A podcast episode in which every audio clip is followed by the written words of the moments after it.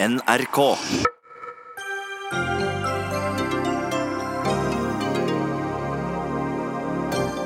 Statsbygg har fått klarsignal til å rive Y-blokka i regjeringskvartalet i Oslo. Det er ikke for seint å snu, insisterer SV. Kommunereformen skulle få ned antall byråkrater, men tall fra SSB viser at de øker. For tidlig å konkludere, mener kommunal- og moderniseringsminister Monica Mæland. Og å forflytte seg med motorkraft på sjøen er å bruke en miljøversting av en teknologi, med en redaktør som syns det er på tide å snakke om båtskam.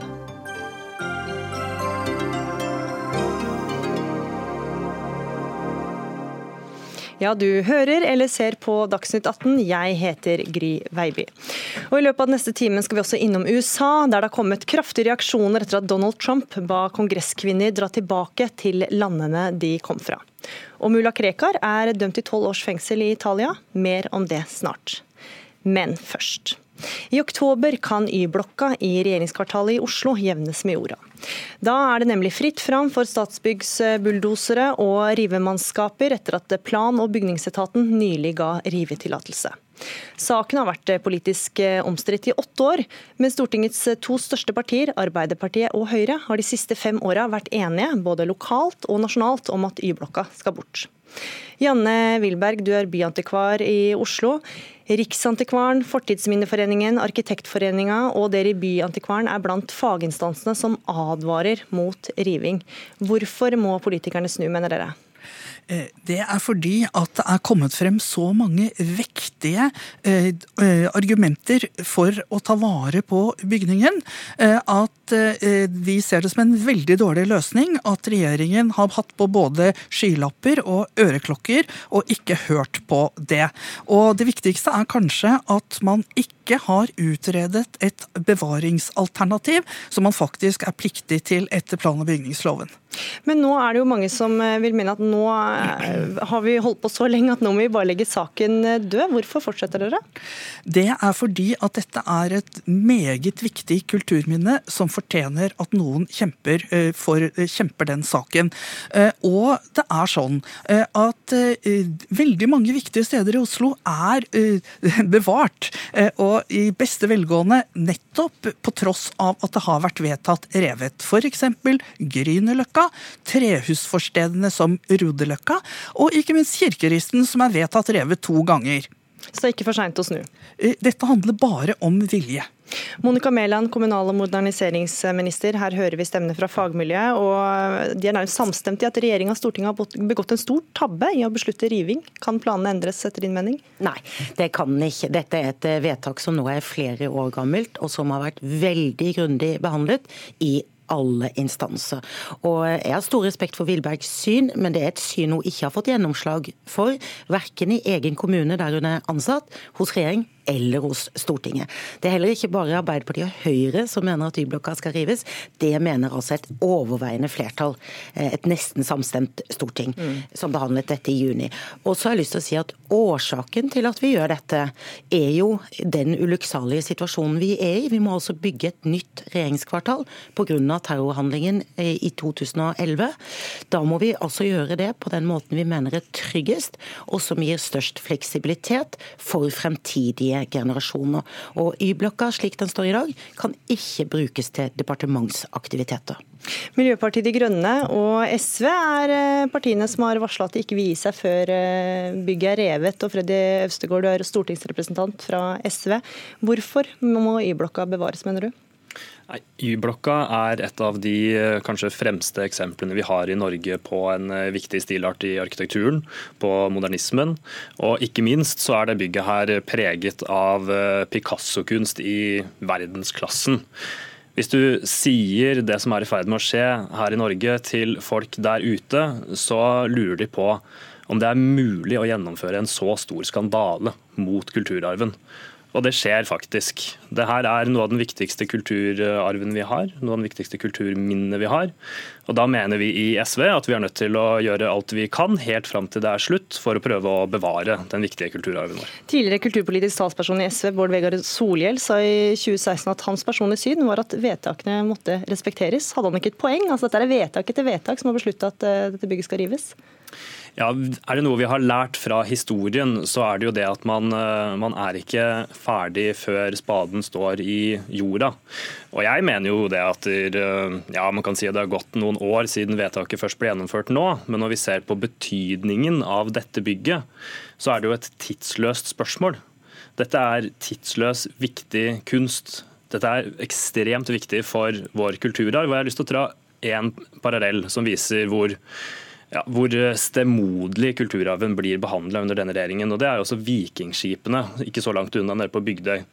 Samtidig som at vikingskipene står og smuldrer opp uten å få bevilgninger til å bli redda, så går altså regjeringen aktivt inn for å rive noe av de viktigste kulturminnene vi har i dette landet. Vi, vi skal la vikingskip være vikingskip. Men, men Monica Mæland, Riksantikvaren sier til NRK at ettertida vil dømme oss for dette. og vi hører jo også her at altså, Hvilke alternativer for bevaring av Y-blokka er utreda? Vi er godt kjent med både hva Riksantikvaren og Byantikvaren i Oslo mener, men jeg tror de må ta inn over seg at demokratiske beslutninger fattet både i Oslo og i Stortinget senest nå i juni slår fast at Y-blokka skal rives. Kunsten skal bevares, skal innarbeides i det nye eh, regjeringskvartalet. Og Det er altså hensynet til bruken av kvartalet, at vi skal ha et trygt kvartal, at vi skal ha et tilgjengelig og åpent kvartal som skal kunne benyttes. Vi skal bruke veldig mye skattebetalere skattebetaler penger på dette prosjektet. Da må vi bygge noe som er fremtidsrettet og godt. Og Y-blokka, man kan mene hva man vil om den, men den kan altså ikke benyttes til departementsaktiviteter. Wilberg, nå skal jo Picasso-arbeidene bevares. Hvorfor er det så viktig at også bygget bevares videre da? Eh, dette er jo et hovedverk i norsk eh, arkitektur og eh, kunsthistorie. Og det er også av stor internasjonal verdi. Men jeg har bare lyst til å si at det Monica Mæland sier, er at det er ikke utredet et bevaringsalternativ. Og det er det som er fagfolkenes bakgrunn eh, for å reagere. Det vil altså si at man har altså ikke hørt på de eh, demokratiske innspillene som handler om bevaring. Det er ikke utredet på en skikkelig skikkelig måte.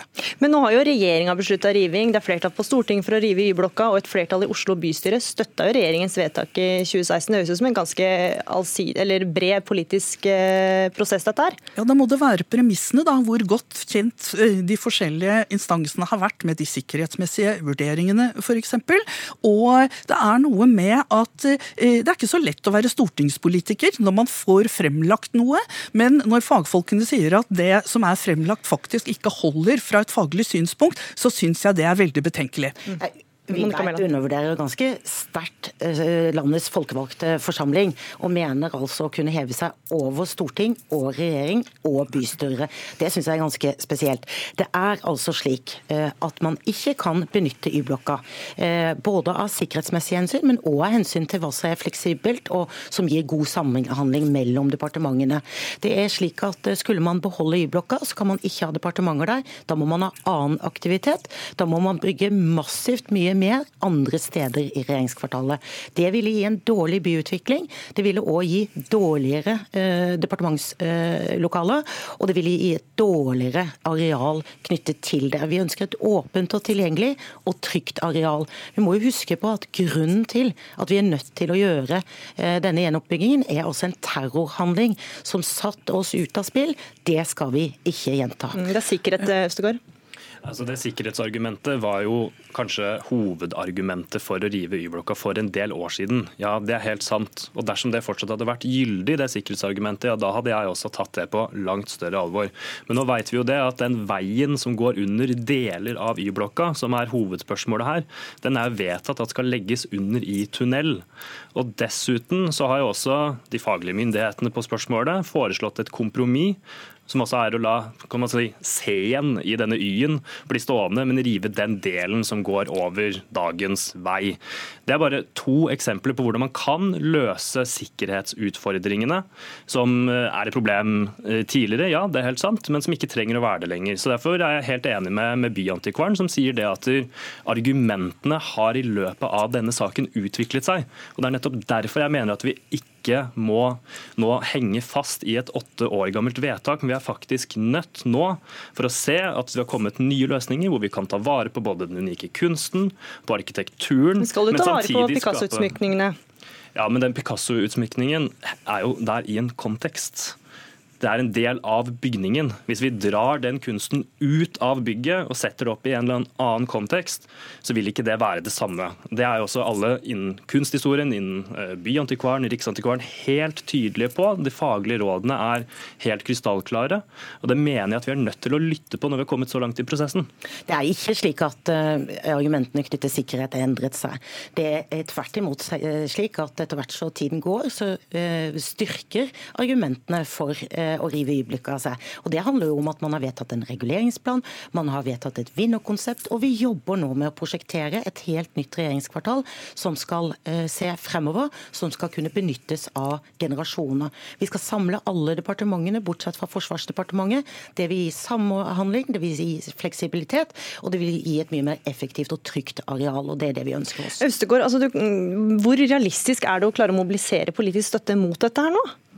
Jeg tror vi ser en eh, ganske tydelig eh, ja, opprømthet blant eh, både folk i Oslo, men ikke minst alle de som er opptatt av dette rundt omkring i landet, og ikke minst internasjonalt. Og Vi har lært av bl.a. Kirkeristen, som også Byantikvaren nevnte, at med nok folkelig engasjement så kan man snu politiske vedtak. Og Det er jo all grunn til å gjøre det når argumentene som ble brukt den gangen vi vedtok det her, ikke lenger gjelder.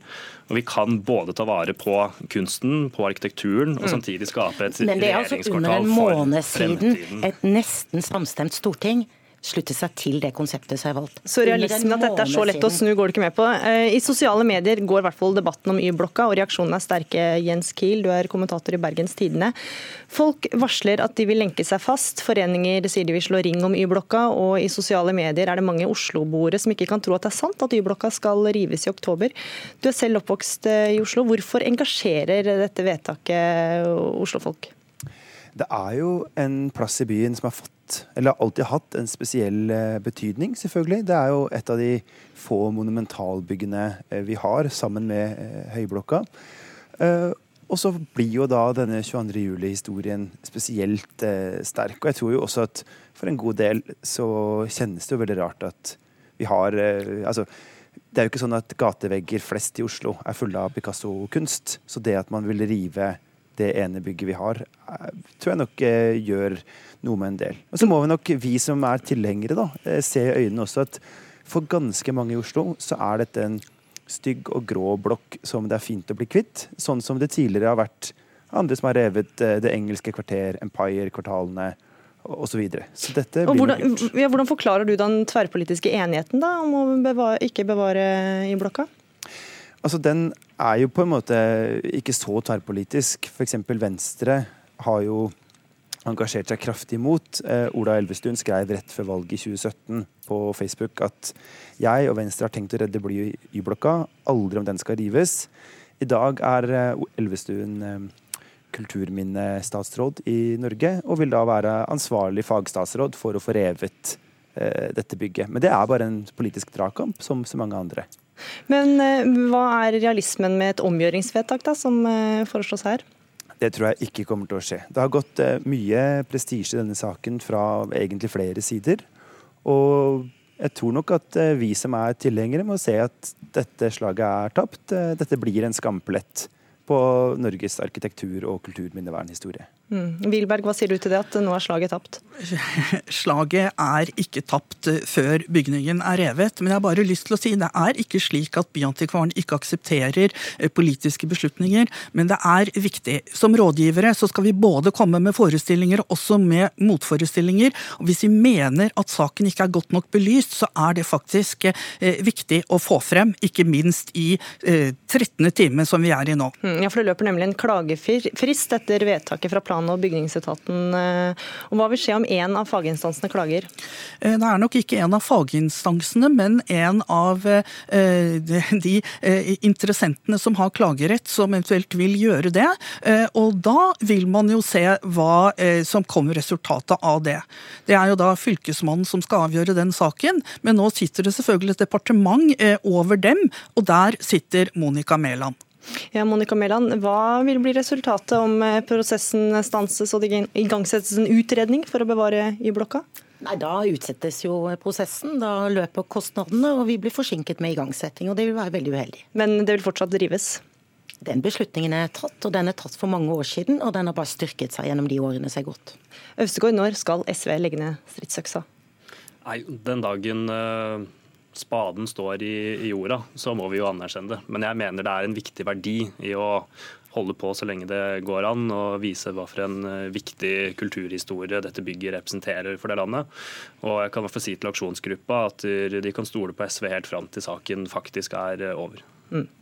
Og med det fikk du siste ord, Freddy Øvstegård, stortingsrepresentant for SV. Takk for at du var med i Dagsnytt 18. Jane Wilberg, byantikvar, takk for at du var med. Og Jens Kiel, BT-kommentator, takk for at du var med. Monica Mæland, kommunal- og moderniseringsminister, du blir med oss videre. Dagsnytt 18 alle hverdager kl 18.00 på NRK P2 og NRK2.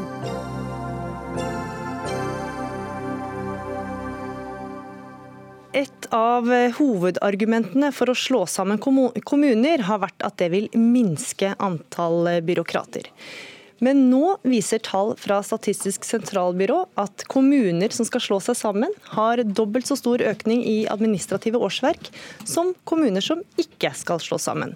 Det skriver Klassekampen, som har gjengitt tall fra SSB fra 2015 til 2018. Og du mener at dette viser noe av det dere har frykta, Sandra Borch, du er stortingsrepresentant fra Senterpartiet. Hva er det dere har frykta? Nei, Vi har jo frykta enda mer eh, byråkrati. Det viser jo også disse tallene at kommuner som har slått seg sammen, så har byråkratiet eh, økt. Og Det viser jo også den kommunereformen som, som var i Danmark for noen år siden. At med de massive sammenslåingene og reformene som egentlig bare har utgangspunkt i at alt skal bli mye større, så vokser byråkratiet betraktelig. Og Det bør også bekymre regjeringa. Men dette er jo tall som tatt for en overgangsperiode. Er det ikke naturlig at det blir flere da?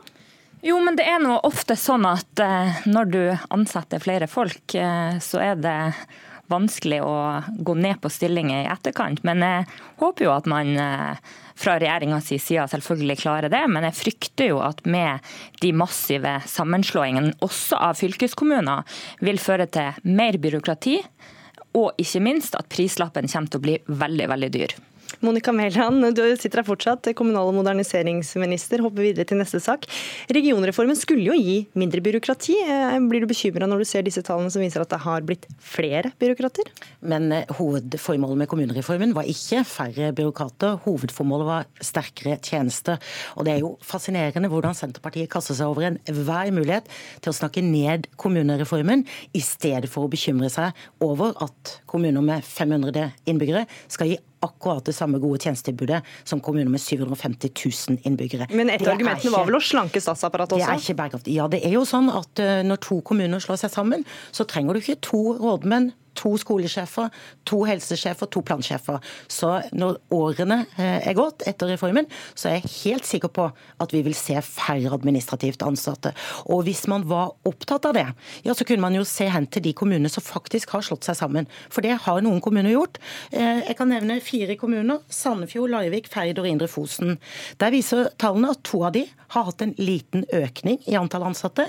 To av de har hatt en massiv nedgang i Eh, antall ansatte. Men vi vet jo ikke bakgrunnen for det. Like lite som vi vet bakgrunnen for de tallene som SSB her har eh, presentert, og hvor de selv sier at endringstall i antall årsverk dermed ikke er reell. Det er jo slik at en rekke av disse kommunene er vekstkommuner, og som eh, naturlig nok ville økt antall ansatte helt uavhengig av reformen. Så det var tilfeldig at reformen kom, og da kunne man si at det var flere ansatte? Jeg tror ikke man ut fra SSB, men de er jo til stede selv, kan si at det er vedtak om kommunereform som forklarer en eventuell vekst. Når det er sagt, så har jo vi hele tiden varslet, og vi har òg bidratt økonomisk til kommuner som nå jobber seg gjennom eh, å lage nye organisasjoner. 119 kommuner jobber nå både med å drive sin egen kommune og med å få på plass en ny kommune til første første. Og at man i en overgangsperiode der Eh, har flere ansatte. Det vil ikke forbause meg. Og eh, Tallene fra Danmark er jo tvert imot slik at den økningen man har hatt i antall ansatte, er større i kommuner som ikke har slått seg sammen, enn de som har gjort det.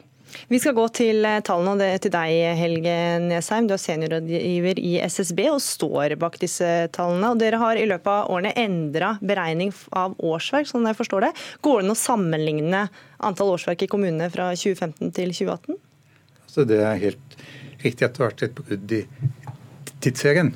Eh, men det er ikke noen grunn til å tro at det har slått ut på, på de forskjellige kommunene. Så det er en ganske lik spredning på hvordan det bruddet er. Så det betyr at eh, når man sammenligner den gruppen av kommuner som skal gjennom en reform, og de som ikke skal det, så er nok eh, de tallene sammenlignbare. Men hva vil det si? Vil de si at det, kan man da si at kommuner som skal slå seg sammen, har dobbelt så stor økning i administrativ årsverk enn kommuner som ikke skal slå seg sammen? Altså, Hva kan vi lese ut av disse tallene? Ja, det som er sentralt her, og som ble berørt her, er jo at dette er jo tall før reformen er gjennomført. Og For oss er det ikke noe overraskende at man i en planlegging og gjennomføring av en reform trenger ekstra årsverk. For, for, å få eh, planlagt det. Så, så, det interessante, og det jo, viser jo den debatten, interessante er hva som skjer etterpå. Mm. Da, men da tror jeg ikke SSB har tall før det kommer til 2021 2022.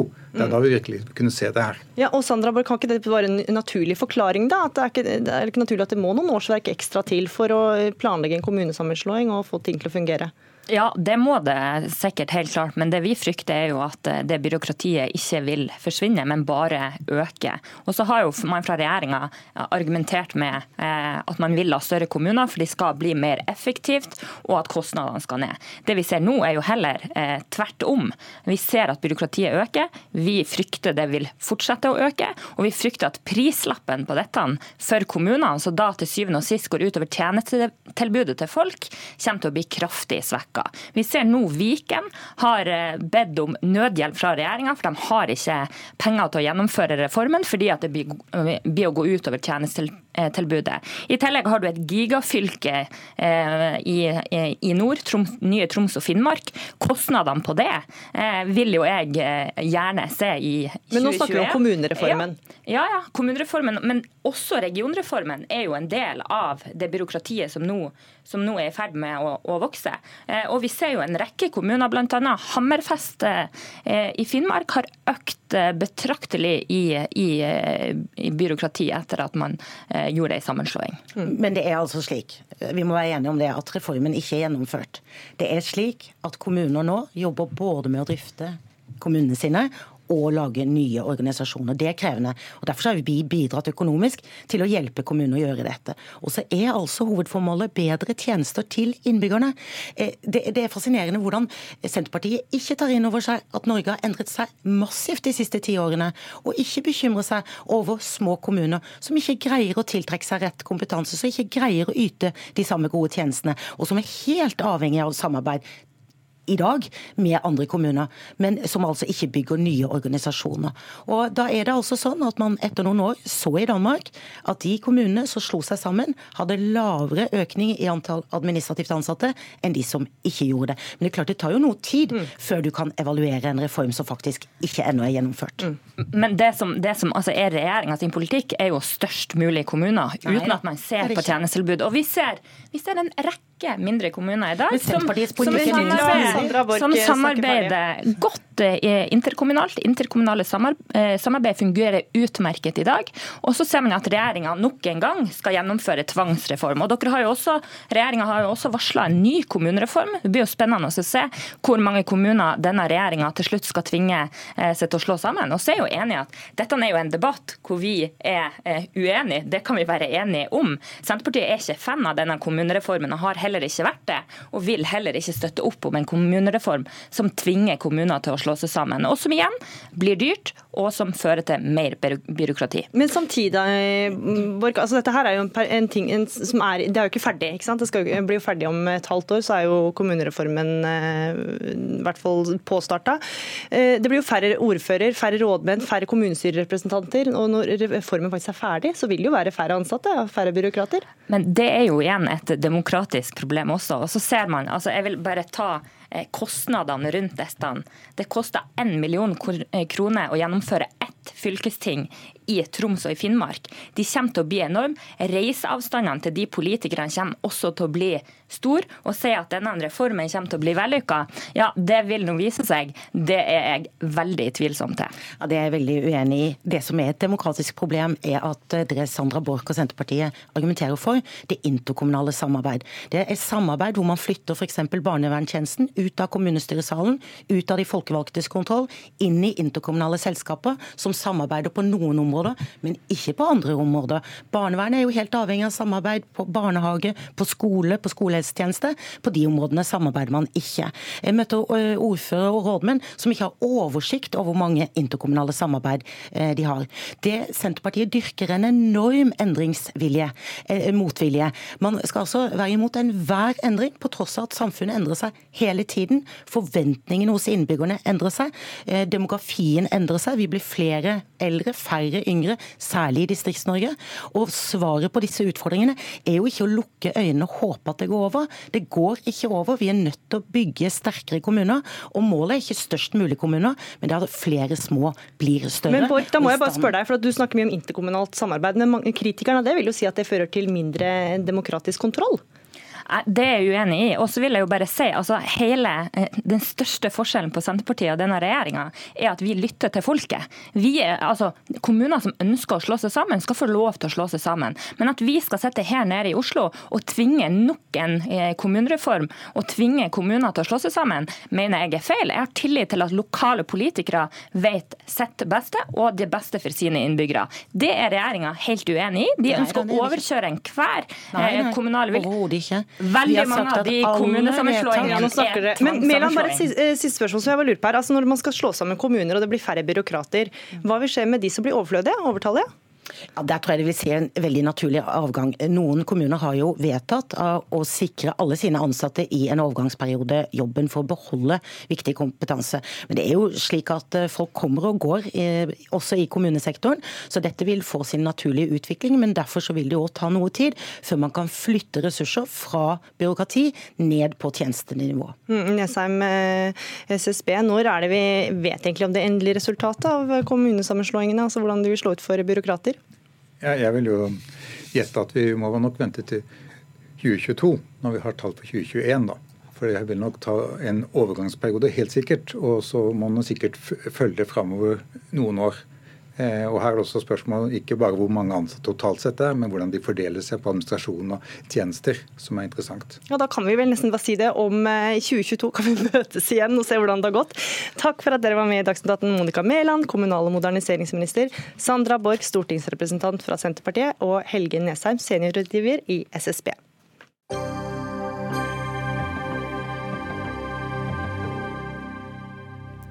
Du har sannsynligvis hørt om flyskam, og kanskje har du også hørt om kjøttskam. Nå lanserer redaktør ordet båtskam, og hvordan det blir tatt imot av båtfolket, får du høre snart. Men eh, den terrortiltalte mulla Krekar er dømt til tolv års fengsel i Italia. Det meldte italienske medier for få timer siden. Og det er to år mer enn det aktor ba om. Forsvarer Brynjar Meling, du sier dere vil anke dommen. Eh, hvordan begrunner du det? Nei, vi vil bruke alle ankemuligheter som er i Italia eh, for å belyse at denne saken er et falsum.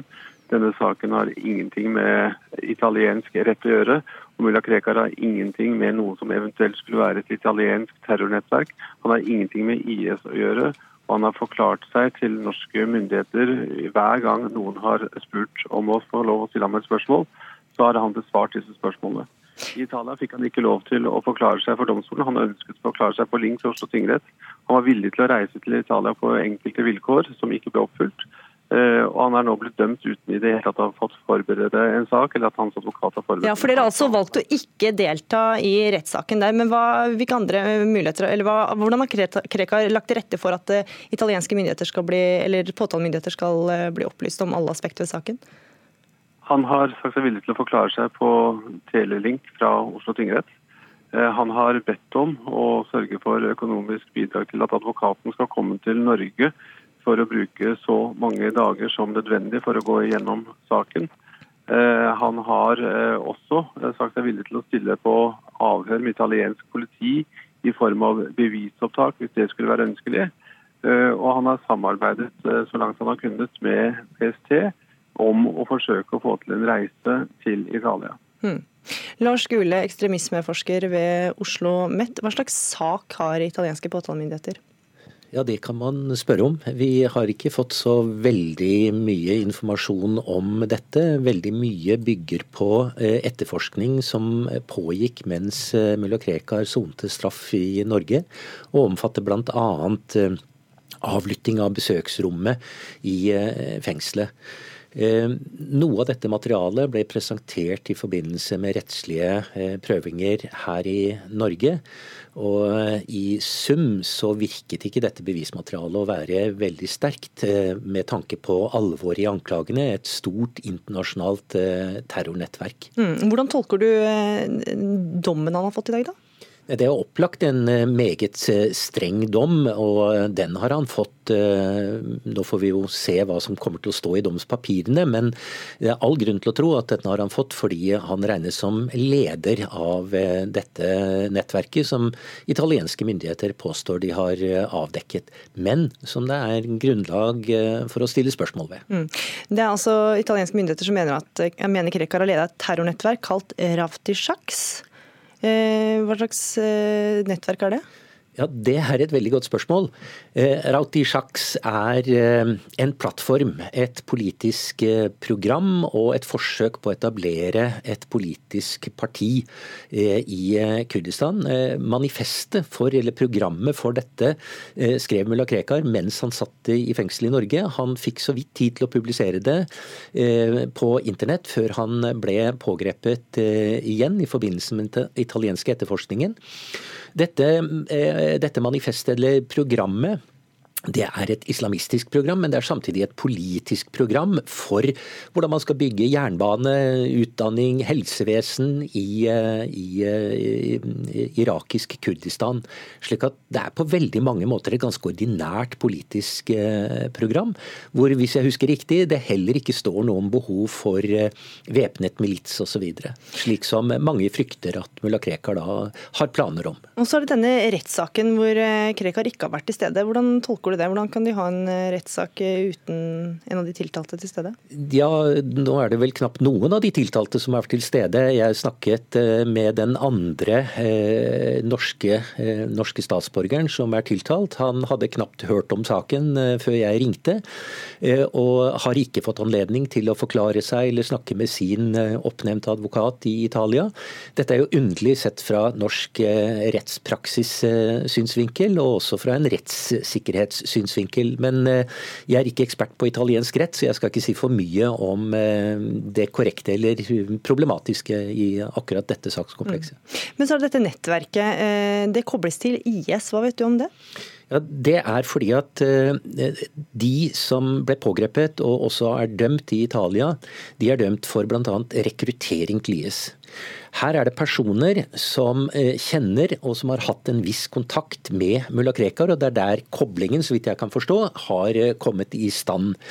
Mulla Krekar Eh, uttaler seg ganske selvmotsigende om IS. Dette nevnte programmet for Akhtisjaks det handler bl.a. om en føderal irakisk stat. En del for Shia, en del for sunni og en del for kurdere. Denne måten å tenke politikk på er stikk i strid med det den islamske staten står for. Og Samtidig så har mulla Krekar uttalt seg ja, nei, kanskje skal vi ikke ta helt avstand fra IS. Og det siste utspillet hans i mai det var at Dersom det blir krig mellom Iran og USA, da støtter jeg Iran. Og Iran er den islamske stats hovedfiende og har vært det nå i flere år. Slik at mulla Krekar uttaler seg i veldig mange ulike retninger. Eh, mange vil vel si at han er ganske politisk mye av en amatør. Derimot nyter han fortsatt blant en del stor respekt som religiøs lærd. Mm. Krekars advokat Brynja Meling sier altså nå at dommen skal ankes. Men hva, hva skjer eh, når det er en rettskraftig dom? Hva, hva plikter norske myndigheter til å gjøre da? Ja, igjen, her må nok eh, juristene uttale seg, men, eh, men, kort sagt så vil vel en slik eh, dom innebære at italienske myndigheter vil begjære han utlevert til soning. Og da må dette vurderes av norske myndigheter, og da kan vi få nye runder i retten, siden den forrige, retts, den forrige utleveringsbegjæringen ble frafalt. Så vi står overfor en, en ny runde, og det vil ta ganske mye tid, vil jeg tro, før vi får en avklaring. Samtidig vil jo da den italienske ankeprosessen være et mm. parallelt spor som, eh, som, går samtidig med eventuell pågripelse, utleveringsdiskusjoner i, i den norske sammenhengen. Hvilke signaler har norske myndigheter sendt så langt i denne saken? her da? Nei, Det er ikke kjent for meg. Så her må man vel spørre justisminister osv. Men eh, det, hva, hva, norske myndigheter vil si om dette, hva regjeringen, eventuelt eh, statssekretær i Justisdepartementet sier om saken, det, det vil ikke jeg forskuttere. Mm. Takk for at du var med i Dagsnytt 18, eh, Lars Gule, ekstremismeforsker ved Oslo OsloMet.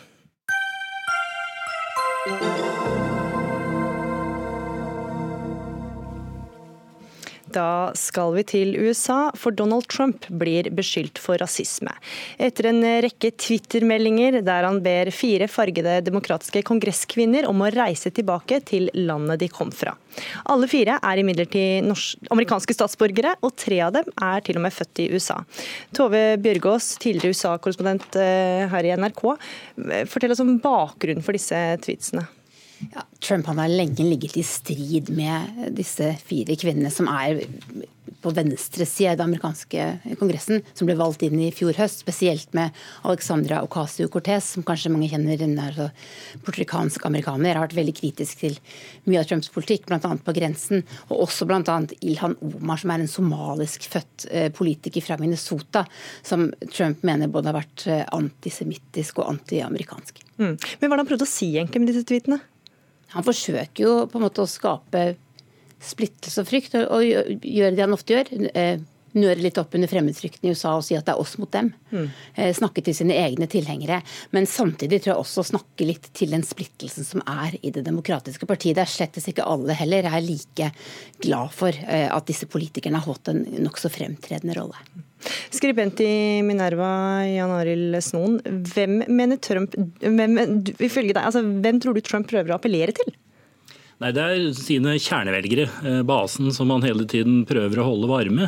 Og de er, eh, Veldig mange av dem er veldig opptatt av innvandringspolitikk, men dette er jo ikke et flertall i USA som er enig med Trump. I de fleste spørsmål som har med innvandring å gjøre, så er flertallet i USA mer liberale og ligger nærmere demokratene. Så Derfor så er dette etter min mening en bom fra Trumps side, særlig fordi han nå tråkker inn i en, en konflikt som begynte å bli ganske giftig internt i Det demokratiske partiet. Så tråkker Trump uti det. Og Dermed så samler demokratene seg mot Trump istedenfor at han kunne bare sitte stille. Men han mangler jo totalt impulskontroll. Og Derfor så lar han ikke demokratene ødelegge for seg selv. Han går inn selv, og så ødelegger han for seg selv. Mm, for Dette går også inn i en strid i Det demokratiske partiet, hvor det er uenighet om veien videre, Bjørgaas? Ja, Det er jo den viktigste striden i partiet nå. Hvem skal de velge til presidentkandidat? Skal de velge en type Joe Biden som står på midten, eller skal de velge f.eks. Elizabeth Warren eller Bernie Sanders, som er langt mer til venstre og, og ligner mer på det disse kvinnene mener. da. Men jeg tror likevel at at ved at Trump trekker opp dette, så, så er han også med på, på å nøre opp under denne splittelsen. Undersøkelser, eh, som, En undersøkelse som ble tatt opp for ikke så lenge siden, viser nemlig at blant vippevelgere, altså de som ikke har bestemt seg for hvem de skal stemme på, så er det mange som ser disse kvinnene som en slags frontfigurer i det demokratiske partiet nå. Eh, men mange sier at de slett ikke liker det de, de står for. Og, og sånn sett så, så, trekker han da opp denne eh, striden. Og det Trump har gjort i dag som også er interessant, er at altså man skulle kanskje tro at eh, at han skulle be disse kvinnene om unnskyldning. Men istedenfor så har han sagt at kvinnene må, må, be ham om unnskyldning. Han har tvitret en rekke meldinger nå i ettermiddag hvor han har sagt at nå må disse kvinnene be om unnskyldning for alle de rasistiske tingene de har sagt til andre amerikanere, til Israel osv. Så, videre. så Så her fortsetter han bare. Mm. Men samtidig så er det jo eh, en uh, diskusjon i Det demokratiske partiet. Noen, Alexandria Ocasia Cortez, som vi har snakka om her, har anklaga Pelosi for å marginalisere fargede kvinners innflytelse. Har hun et poeng, eller er det et politisk spill internt i, blant demokratene? Altså, jeg mener hun ikke har et poeng, men uh, altså, problemet for demokratene er at du har nå, nå en veldig aktiv uh, venstrefløy som har som eh, mobiliserer ganske mange altså aktivister, særlig yngre folk, som er enig med dem. men som da flertallet i USA ikke er enig med. Og så har du da en mer moderat, skal vi si eldre guide. Pelosi er jo en, en, eldre dame som har vært med veldig lenge. Og hun er veldig redd for at disse unge skal prege bildet av demokratene, sånn som Tove Bjørgaas også var inne på. For det vil, altså hvis, hvis, det fester seg, så vil Trump kunne, kunne i hvert fall nøytralisere. Jeg mener han er på defensiven egentlig i denne saken, men han vil kunne nøytralisere det hvis de går for langt. Og Det er tendenser til det. I den debatten de hadde, demokratiske kandidatene hadde, så var det flere av dem som gikk ganske langt i en veldig liberal innvandringspolitikk, som det heller ikke er flertall for. Her er det et, et, et sentrum i USA som, eh, som, ønsker å ha noe som ikke er så veldig forskjellig fra det som er dagens praksis, egentlig, men gjerne vil legalisere f.eks. de som har kommet inn har vært der lenge, men som ikke vil åpne grensene for alle som vil komme inn. Og Det er en viktig forskjell mm. som demokratene sliter litt med å bestemme seg for nå. For her er jo også Noe av, noe av striden er eh, denne planen for finansiering av en grenseløsning ved Mexico, som The Squad, altså disse fire kvinnene, sto for. og Hva gikk den løsninga ut på mer spesifikt? De ønsker jo f.eks. å øke bistanden veldig til de landene som disse migrantene kommer fra, altså fra til de mellomamerikanske landene, og, og, gjøre det lovlig å krysse grensa ulovlig. Og også å, eh, å gjøre, ha programmer for å skaffe jobber til de som kommer over grensa som ikke er eh, statsborgere. Så, så en ganske radikal plan, som også veldig mange demokrater som, som Jan Elsen er inne på, ikke er enig i det hele tatt. Så det er jo også strid blant demokratene om dette, men nå er det mange som kjemper om beinet der. Og, og, de skal også appellere til en stadig større andel unge velgere. Vi vet at de ønsker seg kanskje noen som står litt lenger til venstre. Eh, så det mange demokrater tror jeg frykter nå, erfarne demokrater, er at, måte, at debatten skal bevege seg til venstre, og så skal man velge noen som står for langt til venstre til å bli valgt, altså til å slå Trump. Men har de noen grunn til å frykte det sånn? Ja, det tror jeg nok at dette kan være. Det kan være en, en tapersak for demokratene hvis de går for langt. Og det kan jo være altså, kanskje særlig Elizabeth Warren som, som, går lengst i dette spørsmålet. Vi har også, I, i dette bildet kommer også spørsmålet om om det skal betales erstatning til, til alle etterkommere av slaver, f.eks., som er en av de sakene som de kjører fram, og som Warren er, er for. Eh, som vil skremme veldig mange eh, si, den hvite arbeiderklassa, som i stor grad stemte på, på, Trump, men også deler av den hvite middelklassa vil bli skremt av sånne eh, standpunkter. Mm. Mens derimot andre, som, som Biden, vil, vil, kjøre en mer moderat linje og ikke mm. skremme bort disse velgerne. Men, men eh, det skulle også brakt av rase inn på banen igjen, Bjørgaas? Ja, det er jo en annen sak. Det er til og med En av dem er en som heter Ariana Presley, som kommer fra Massachusetts. Hun er eh, afroamerikaner. Og hun har nærmest sagt at dersom du ønsker å være politiker i dag, så skal du stå på barrikadene for din etniske gruppe eller for din minoritetsgruppe. Da, at det må være en del av agendaen til disse politikerne.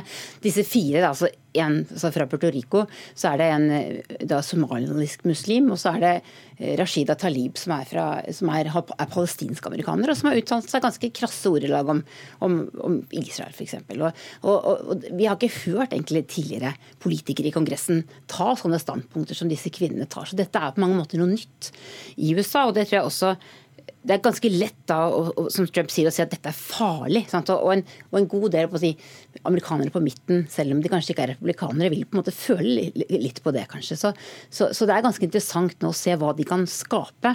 Det de i hvert fall har klart, er jo på en måte å bruke Trumps metode, å bruke sosiale medier til å bli veldig synlige mm. og, og, få veldig veldig mye oppmerksomhet i mediene. Og Hvordan har de svart på tweeten, da? Eller tweetene fra Donald Trump? Ja, de har, de har, på en måte Det er jo sjokk og vantro og, og, og, kamp tilbake. Eh, men, men, det er altså det meste i dag har kommet fra Trump, som har tvitret en lang lang serie nå i løpet av ettermiddagen. Mm. Men Snoen, eh, vi hører jo fordømmelse fra demokratene, men det har blitt møtt med taushet fra republikanernes side? Ja, de sitter, de sitter, nå veldig stille. Eh, fordi det er, ikke, det er, ikke, veldig mange av dem som syns at dette var særlig lurt, tror jeg. Selv om blant i Representantenes hus så har Trump en, en gruppe som er enig med alt han eh, sier og gjør. Men men de andre sitter stille. Eh, de vil heller ikke utfordre Trump på sånne ting. Altså disse, hvis de skal drive og reflektere over og reagere på alt eh, Trump tweeter, tweeter så får de ikke gjort noe annet. Så det de, altså, de relativt få som av og til eh, tar to motmæle mot Trump, de prøver å konsentrere seg om når han har politiske utspill og ikke dette. Det kan man si er, er fake, men det er den måten de prøver å spille det på nå. Mm. Men det mange kommentatorer sier i dag, det er jo at Trump flytter stadig denne grensen for hva det er greit mm. å si som amerikansk president. Vi har aldri opplevd en amerikansk president som har uttalt seg så på en måte rasistisk som det han gjør. Og at det på en måte ikke finnes noen grenser lenger for hva man kan si. Eh, at dette er blitt litt sånn vanlig, og at det også gjør noe med debatten i USA. Mm. Og eh, også Storbritannias statsminister Theresa May har engasjert seg i Twitter-meldingene som hun omtaler som totalt uakseptable. Takk for denne gang Tove Bjørgaas og Jan Arild Snoen, begge er eksperter på USA. Hør Dagsnytt 18 når du vil. Radio NRK Radio.nrk.no.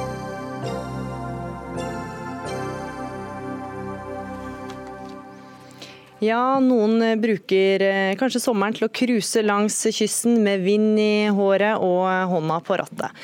Men eh, kjører du motorbåt, bør du tenke deg om. For å forflytte seg med motorkraft på sjøen er å bruke en eh, miljøversting av en teknologi.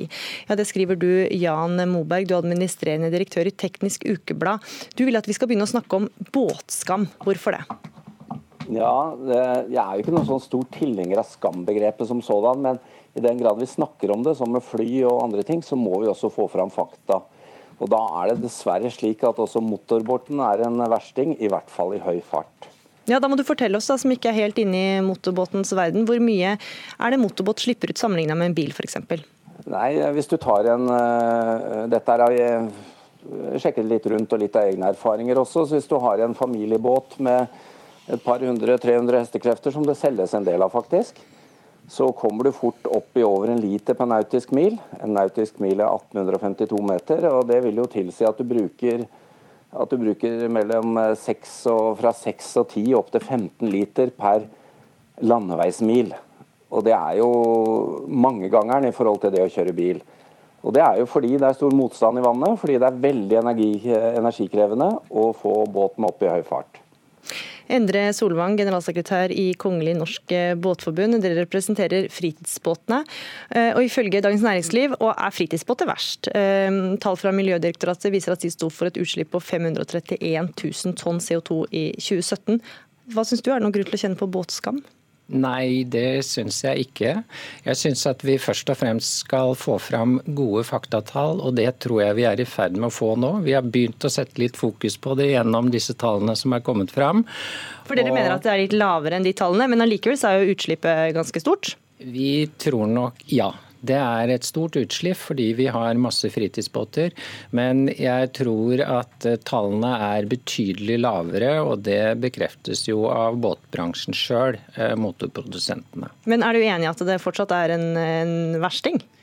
Nei, jeg syns ikke det er en versting. Hvis vi ser på andre transportsektorer som bil og fly, og hvis du reiser på hytta di mange ganger i året, så bruker du veldig mye drivstoff, og, og, kanskje mye mer enn det båtfolket gjør i den komprimerte sesongen. Hmm, ja, Moberg, Det er jo en kort sesong, dette her. så Er, eh, er det å slå på, slå på stortromma og det, få det til å bli skam, bare den lille sesongen vi har? Nei, det er, det er, helt opplagt. Altså, uh, norske motoriserte fritidsbåter brukes veldig forskjellig, bare så det er sagt. Og det er slett ikke alle er verstinger. Men det er nå engang sånn, da, og det er i fysikkens verden, at hvis du skal kjøre fort på vannet, så er det altså 10-15 gangeren verre enn å, kjøre, enn å kjøre bil. Og jeg er også opptatt av at vi skal få fakta på bordet, og da må disse tallene på bordet. Og Mitt inntrykk er at de tallene som kommer frem fra bransjen selv, er for lave i forhold til hva det faktisk eh, koster av energi å kjøre disse båtene. Og så må vi huske at det blir solgt stadig flere og større båter. Stadig flere av disse familiebåtene blir eh, lagt an til utenbordsmotorer. Og Jeg er ikke motstander av det. Jeg syns det er fantastisk å være på sjøen, og gjør det jo selv. Men jeg syns jo likevel at vi må få fram faktatall. Og da, da er det sånn at dette er særdeles energikrevende å å holde på med. Og så, som sagt, dette, Min mening med dette er at vi må få fakta på bordet, akkurat som, som det sies her. Og litt mer bevissthet, Solvang, er vel ikke noe dumt? Nei, og det er kjempebra. Nå, vi, nå kan vi godt si at eh, elbilteknologien den har kanskje vart i ti år, og de ligger ti år foran båtfolket. Vi trenger litt tid på å omstille oss, men vi er kjempepositive. Og båtfolket de tar vare på miljøet gjennom strandrydding og mye sånn. Så gi oss bare muligheter, og jeg har lyst til å utfordre myndighetene til å stimulere båtfolket slik som de har gjort med elbil og reduserte avgifter. Vi har ikke sett noe eh, til dette egentlig, bortsett fra litt redusert hestekraftavgift. Men vi må ha myndighetene på banen med insentiver, og ikke minst forskning på ny motorteknologi, altså elbåtteknologi.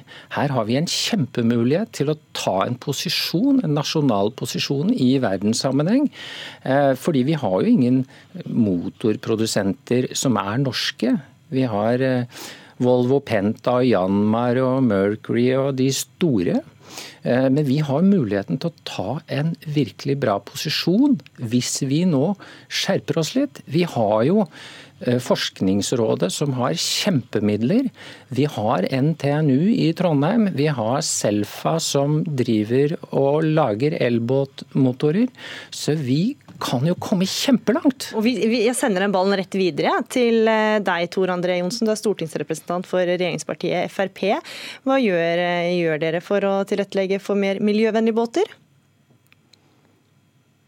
Nei, Først så må jeg bare si at jeg, jeg fikk jo litt uh, sjokk første gang jeg hørte ordet båtskam. Det er jo flere som har snakket om flyskam, og det har blitt et begrep. Men jeg, jeg må si jeg deler ikke helt den bekymringen som her kommer fram. Eh, hva, hva blir det neste? Blir det kjøttskam? Blir det matskam? Det som det skulle nesten tro det var, var litt sånn nesten fleipete. Det er Først syns jeg er viktig å stille spørsmålstegn ved tallene som blir lagt fram, slik eh, KNBF gjør. Og så er det òg viktig å huske på at i lille Norge så bidrar vi knapt med utslipp i forhold til hva det gjør globalt. Og de få dagene det er sol og sommer og godt vær i Norge, syns jeg vi skal la båtfolket få nyte det gode livet på sjøen uten at de skal få dårlig samvittighet for at de slipper ut eh, litt eh, CO2 og litt forurensning i atmosfæren. De de fleste båter i Norge det er små båter, det er vanlige båter for folk flest.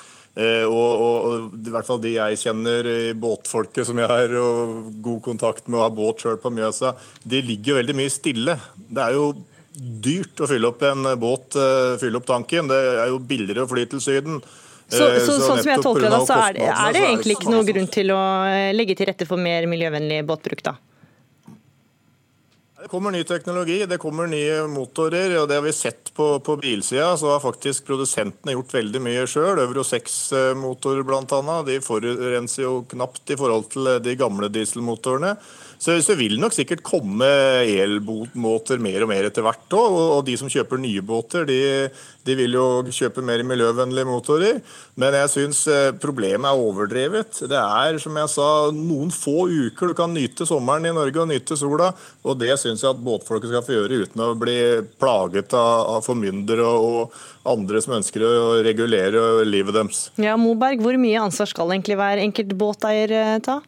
Jeg syns ikke dette dreier seg om formynderi i det hele tatt. Det dreier seg om bevissthet, og det dreier seg om å få fakta på bordet, slik som disse begge sier. Det er jeg også opptatt av. Og eh, vi må, eh, vi må, jo bare erkjenne at eh, vi kommer til å få utfordringer på mange felt, enten det er både mat og båt og whatever. Vi kommer til å bli utfordret hvis vi skal nå klimamålene. Og vi kan ikke alltid bruke unnskyldningen om at vi er et lite land og ikke betyr noe. Dette her kommer til å komme inn over oss. Utfordringen innenfor dette segmentet er jo at det er i USA verstingene er flest og aller verst.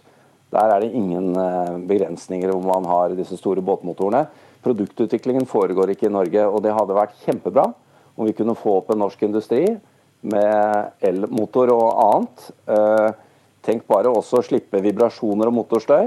Det er dessverre sånn at eh, batteriteknologi ikke er til stede ennå til å få til dette for å kjøre så sånn som vi kan gjøre med fossile drivstoff i dag. Men jeg er ikke ute etter å ta noen, jeg er ute etter å få tallene. Og de er ikke gode, det må vi bare innrømme. Når man kjører en familiebåt med mange hestekrefter i altså i vanlig eh, cruisetempo, da. Eller altså ja, sånn i noen og tjue knop. Hmm. Birgit Lioden, du er styreleder i Norsk elbåtforening. Eh, det har blitt snakka mye om mer miljøvennlige båter her. og Kan fritidsbåter elektrifiseres? Det kan det jo. Og så tror jeg at det er viktig å trekke denne debatten opp på et litt høyere nivå. For det handler jo mindre om formynderi, men i mye større grad om at Norge er verdens ledende havland. Vi er et av verdens viktigste maritime land, som ligger helt først i verden når det gjelder grønn, miljøvennlig utvikling på alt av de store skipene. Eh, sånn at det, sånn som vi ser det, er at vi har et enormt mulighetsrom nå for å styrke og mobilisere eh, alle de norske industriklyngene som jobber ut mot havet, med å skape enda bredere marked.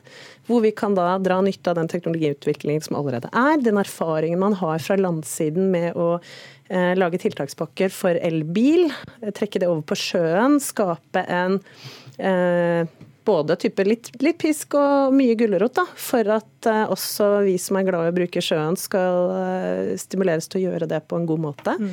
Uh, og så tror jeg nok at det å si at Norge er et lite land sånn at vi Det er litt, sånn å, litt som å pisse i havet. Det er jo ikke der det ligger. For at vi, ja, vi er et lite land, men resten av verden ser til oss. Og hvis vi skal nå omstille norsk økonomi, så trenger vi faktisk også levere løsninger hvor vi er først ute med det nyeste. Og så kommer verdensmarkedene til oss. Det er ikke omvendt. Vi kan ikke sitte og vente på at Tyskland og Japan og andre stormakter eh, ligger foran oss, for da har vi tapt allerede. Mm. Ja, Johnsen, du skal få svare på dette her, som er stortingsrepresentant for et regjeringsparti. Ja takk, men Det er jo helt korrekt det som blir sagt fra Elbåtforeningen. og En hyggelig påminnelse det at når det gjelder ferger, elferger f.eks., så har vi jo en offensiv satsing fra regjeringens side. Når det gjelder cruiseskip og å få mer miljøvennlig skipsfart, så, så, blir det jo tatt uh, flere grep. og Der brukes det jo penger og det er mange insentiver. og På, på land på vei så er det jo 13 milliarder mindre nå som vi tar inn i bilavgifter pga. at vi har lagt om bilavgiftene i regi men, av det men som når vi skal gå tilbake til båt, da, hvilke insentiver har vi i dag for å vri om forbruket? På, på vanlige fritidsbåter så, så, er det ikke innført tilsvarende insentiver foreløpig. Jeg, jeg, jeg, kan ikke si verken ja eller nei til om det kommer etter hvert. Sannsynligvis så kan det komme noe der òg, men, men, eh, bare det insentivet vi har på biler, fører til at staten tar inn 13 milliarder mindre i bilavgifter. Så klart det skal du ha sånne insentiver som her blir etterspurt, så, så, så koster det mye penger. Man må være forberedt på at den, at den, har mulighet til å kunne finansiere det da, og, og få, få, få, inndekning i statsbudsjettet med eventuelt da, økte inntekter andre steder eller reduserte kostnader. Mm. Mm. Forskjellen er jo at på bil så er jo vi ikke et bilproduserende land. Eh, så jeg tenker at det er ganske stor forskjell å stimulere økonomisk på et, et, område hvor, hvor, vi bare sitter og er sluttbrukere. Og det å faktisk stimulere strategisk på en måte som også gir oss nye muligheter framover. Og så tror jeg, eh, når jeg er ute og snakker med både de som har store, svære yachter og snekker og alt som er, at vi har en befolkning nå som er mye mer gira på å bidra der vi kan. Og så vet vi at det er mange måter vi skal og må bidra på. Eh, men vi lever i en verden nå hvor ungdommene våre går og marsjerer foran eh, storting og andre steder her i Norge, over hele verden. Og jeg mener at vi som foreldregenerasjon har et utrolig ansvar nå også for å ta dem på alvor. Mm. Er det noe dere også oppdager, oppdager, eh, Solvang, eller opplever, at folk er interessert i å legge om? Ja, definitivt. Og vi har jo et par muligheter som vi har lyst til å spille fram. Det ene er jo de enorme ressursene som brukes via Norges forskningsråd. Kanskje vi kunne få opp et spennende forskningsprosjekt på elbåtmotorer. Det andre er Nasjonal transportplan, eh, og da de midlene som kanaliseres til eh, transportområdet sjø, eh, dvs. Si via Kystverket. Her kunne vi dra opp noen spennende utviklingsprosjekter, for det ligger rimelig store nasjonale Eh, midler tilgjengelig hvis myndighetene vil. Men ikke båtskam, altså? Nei, jeg synes ikke vi skal skamme oss. Vi snakker om et maritimt friluftsliv med rekreasjon og helsegevinst, og vi skal kose oss på sjøen når vi kan. Men vi skal være positive til ny teknologi og ta den i bruk når den kommer. Og der fikk du siste oppfordring. Endre Solvang, generalsekretær i Kongelig Norsk Båtforbund, takk for at du var med. Takk også til deg, Birgit Lioden, styreleder i Norsk Elbåtforening. Takk til deg, Tor André Johnsen, stortingsrepresentant for Frp, og Jan Moberg, administrerende direktør i Teknisk Ukeblad. Dagsnytt 18 over. Gry Veiby, Frode Thorshaug og Leila Ferratovic takker for følget.